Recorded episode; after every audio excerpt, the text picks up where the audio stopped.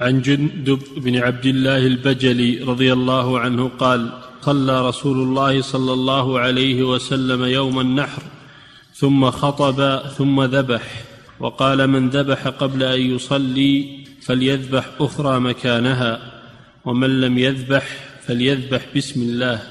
نعم وهذا مثل الحديث الذي قبله فيه أن الذبح للأضاحي يكون بعد صلاة العيد وأنه لا يجزي قبل صلاة العيد وأن من ذبح قبل صلاة العيد فعليه أن يذبح بدلها بعد صلاة العيد لتكون أضحية.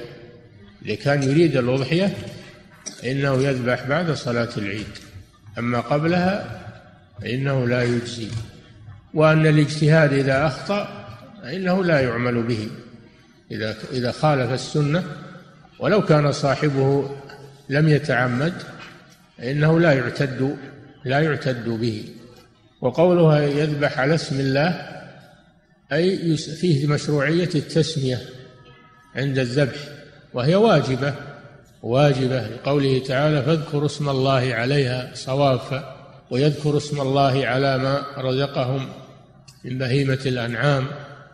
فتجب التسمية عند الإمام أحمد على الأضحى على الذبيحة.